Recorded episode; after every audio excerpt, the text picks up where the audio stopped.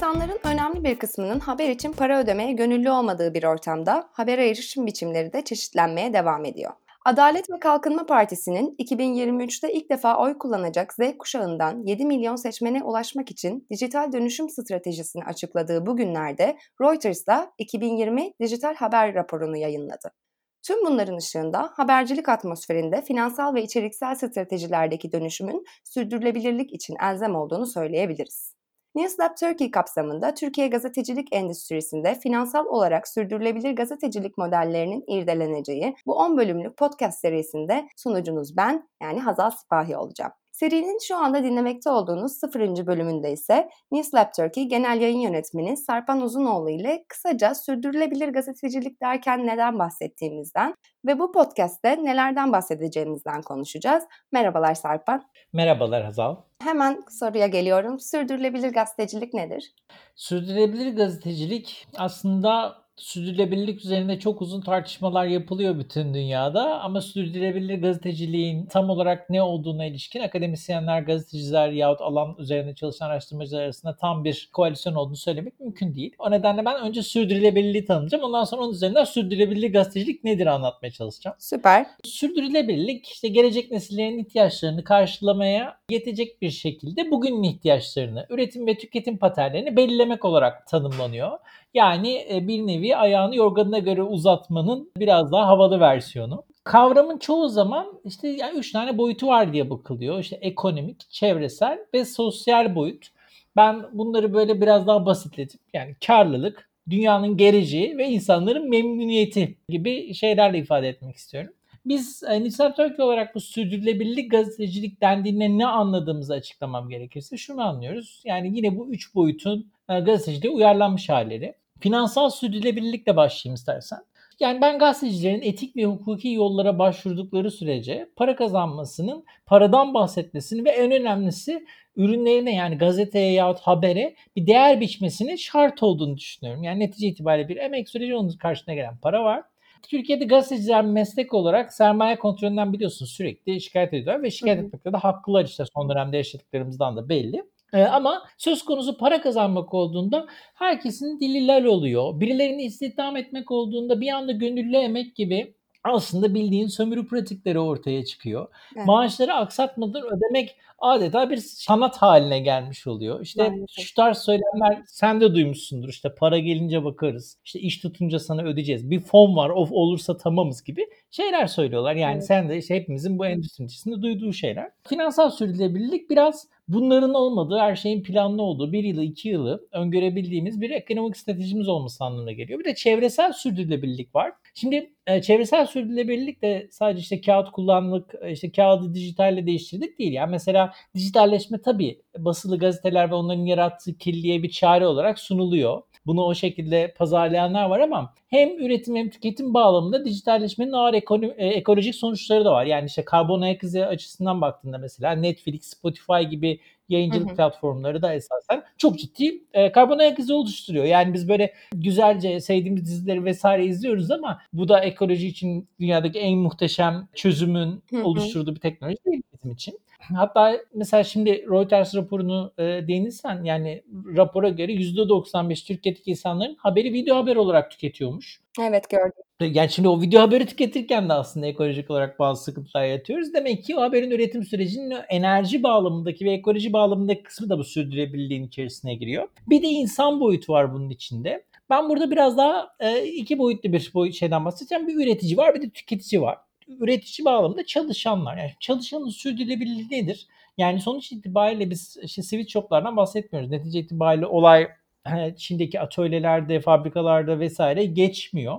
Ama gazetecilikte de aslında bu tarz bir işte e, kayıtsız emek, işte özellikle bu son dönemdeki uzaktan çalışmayla birlikte ortaya çıkan iyice preker, güvencesiz emeğin ortaya çıkması vesaire gibi durumlardan bahsedebiliriz. Ve gazetecilerin kurumlarıyla yaptıkları işle bağı oldukça kopmuş durumda. Hatta ben sana şöyle e, de ifade edeyim. Açıkça bir yabancılaşmanın artık son evrelerini yaşamaktayız burada. Ve kurumunu anlamayan, kurumuna güvenmeyen, kurumunun sürekli arkasından konuşan, kurumundan kaçacağı günü veya kurtulacağı günü hasretle bekleyen gazeteciler var. Bu işin üretici tarafındaki sürdürülebilirlik. Çünkü o kişiyle insan kaynağı politikaları bakımından kurduğun ilişkinin sürdürülemez. İkincisi de yani tüketici biz tüketicimizi yani okur veya izleyici dediğimiz insanı tanımıyoruz. Onların bizi izlemeye, okumaya, dinlemeye vesaire devam edip etmediğini, nerede, nerede bıraktıklarını, ne yaptıklarını bilmiyoruz. Bu konuyla ilgili en basit teknolojiler olan işte Google Analytics olabilir, bir podcast dinleme istatistikleri veya işte sekme oranı ve benzeri bazı basit şeyleri, kavramları ve bunların ne anlama geldiğini bile bilmiyoruz. İşte tüm bunlar aslına bakarsan sürdürülebilirlik çerçevesi e, oluşturuyor bize. Bana göre de sürdürülebilir gazetecilik yani okurunu dinleyen, iç, e, haber odasında çalışan kişiyi dinleyen, bunun dışında ekolojik olarak yaptığı üretimin dünyaya zarar verip vermediğini, üretim mekanizmalarının ne kadar işte karbon ayak bıraktığını takip eden ve en temelinde de e, günün sonunda kendi kendini finansal olarak yetebilen siyasal veya işte ekonomik baskılara karşı durabilecek bir ekonomik sürdürülebilirlik kazanmış. Yani e, kendi reklam modelini oluşturmuş olabilir, üyelik modelini oluşturmuş olabilir, işte Patreon'dan gelen bir tür crowdfunding modeli oluşturmuş olabilir ama nihayetinde e, her sene sonunda eyvah bu sene bir yerden fon bulamazsak bitmek bittik demek yerine gelir kaynaklarını çeşitlendirmiş olan diyebiliriz. İşte tüm bunları yapanları da zaten sürdürülebilir gazetecilik yapan kişiler diyoruz. Evet, teşekkürler açıklaman için. Gayet kapsamlı bir açıklama oldu. Henrik Böll Stiftung Derneği Türkiye Temsilciliği desteğiyle Toplumsal Bilgi ve İletişim Derneği çatısı altında başlatılan News Lab Turkey Sürdürülebilir Gazetecilik Programı. Sürdürülebilir gazetecilik tanımını da düşündüğümüzde bu programla ne amaçlanıyor? Yani aslında bizim amacımız e, Türkiye'deki bağımsız medya pratiklerinin özellikle de uluslararası hibe programlarından veya işte e, resmi ilan gibi devletten gelen gelirlerden ya da işte Google gibi firmalardan gelen ve aslında oldukça az olan dijital reklam gelirlerinden daha fazla öteye gitmesi, yeni alternatif ve içinde birden fazla katman bulunan gelir modelleri oluşturulmasıydı başlangıçta yola çıkarken. Ama tabii bir yandan da işte bu ekolojik meselelerin de işin içine girmesi, insan kaynağı yönetimi meselelerinin de içine girmesiyle biz aslında sürdürülebilir gazetecilik işine girdiğimizde sadece ben, ben özellikle biraz daha haber ekonomisi çalıştığım için çok daha tek boyutlu bakarken bir anda varsayıp baktım ki haber ile ilgili neredeyse her şey bunun içerisindeydi. Ee, ve biz de proje kapsamında tüm bu meseleleri bir arada bunun içerisinde tutmaya çalışıyoruz. Ya tabii şunu da farkındayız. Yani Türkiye'nin kendi has sorunları var. Türkiye'de reklamların dağılımı dahil olmak üzere birçok mesele de bizim önerdiğimiz modellerin gerçekleşme e, olasılığı e, bazen düşük olabiliyor. Ama tabii böyle bir öğrenilmiş çaresizlik var. Yani hepimizin üstünde sinen bu ölü toprağına, işte Türkiye'nin medya demokrasi krizini atlatsa da e, bir şekilde bu işlerin olmayacağına dair veya işte ekonomik krizle vesaire bağlayabileceğimiz bu büyük umutsuzluğa rağmen bir şekilde bir çözüm üretmemiz gerektiğini düşündük. Heybe Stiftung'da e, sağ olsunlar bize e, bu proje kapsamında işte makale, söyleşi, çeviri, video ve podcast formatında işte şu anda mesela bir tanesini yapıyoruz.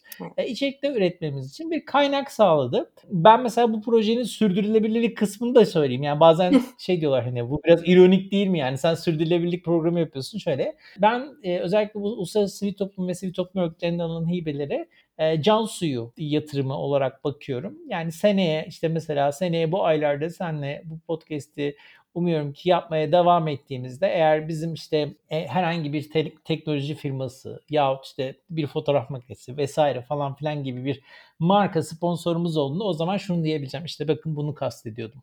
Yani evet. yahut e, bu şey işte sadece üyelere özel bir podcast olduğunda e, bunu kastettiğimi anlayacak insanlarda. Yani sürdürülebilir gazetecilik programı biz şu an Henry Pörstik'in sayesinde yapıyoruz. Ama amacımız kendimiz de dahil Türkiye'deki bütün medya aktörleri için sürdürülebilirlik çözümleri oluşturmak. Çok çok teşekkür ederim. Sürdürülebilir Gazetecilik programı kapsamında hazırlanan bu podcast'te Türkiye'den ve dünyadan konuklarla ve Sarpan'ın da kısaca bahsettiği modellerle gazeteciliğin sürdürülebilirliği için oluşturulabilecek çeşitli gelir kaynaklarından bahsediyor olacağız. Yakında görüşmek üzere.